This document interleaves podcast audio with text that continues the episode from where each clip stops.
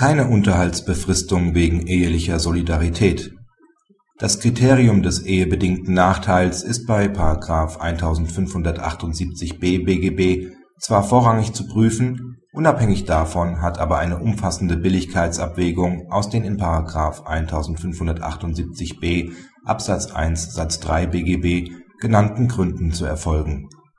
Sprechen letztere gegen eine Befristung des nachehelichen Unterhaltsanspruchs, ist der Nachweis ehebedingter Nachteile entbehrlich. Die Eheleute heirateten 1972. Die 1955 geborene Ehefrau war bei der Heirat schwanger.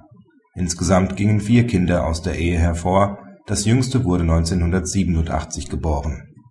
Im Jahr 1989 wurde bei der Ehefrau eine Krebserkrankung diagnostiziert, weshalb sie zu 100 Prozent erwerbsunfähig ist und eine Rente von 1040 Euro bezieht. Aus einer Nebentätigkeit erzielt sie weitere 400 Euro im Monat. Der Ehemann ist Beamter. Er begehrt im Rahmen eines Abänderungsverfahrens die Befristung der nachehelichen Unterhaltsansprüche. Das OLG lehnt die Befristung ab. Die zugelassene Revision des Ehemanns hat keinen Erfolg. Aufgrund der Anschlussberufung der Ehefrau, gerichtet auf höhere Unterhaltszahlungen, wird die Sache an das OLG zurückverwiesen.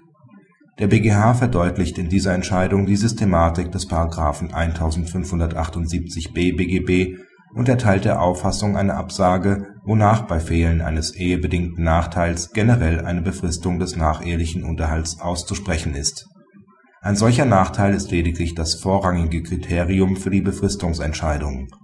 In jedem Einzelfall muss jedoch gemäß § 1578b Absatz 1 Satz 2 BGB immer eine Billigkeitsabwägung aus den in § 1578b Absatz 1 Satz 3 BGB genannten Gründen erfolgen.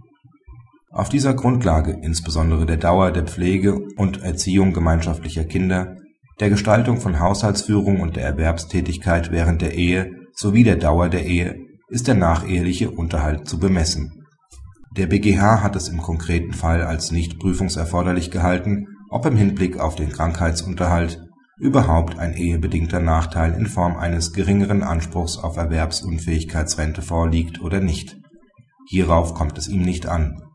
Ausschlaggebend sind allein die übrigen Umstände im Sinne von § 1578b Absatz 1 Nr. 3 BGB, die lange Ehezeit, die gewählte Hausfrauenehe und das Alter der Ehefrau, um eine Befristung oder Herabsetzung des Unterhalts auszuschließen Praxishinweis Zu den Kriterien eines Krankheitsunterhaltsanspruchs und dem Verhältnis zum Aufstockungsunterhalt hat sich der BgH in seiner Entscheidung vom 26.11.2008 klarstellend geäußert.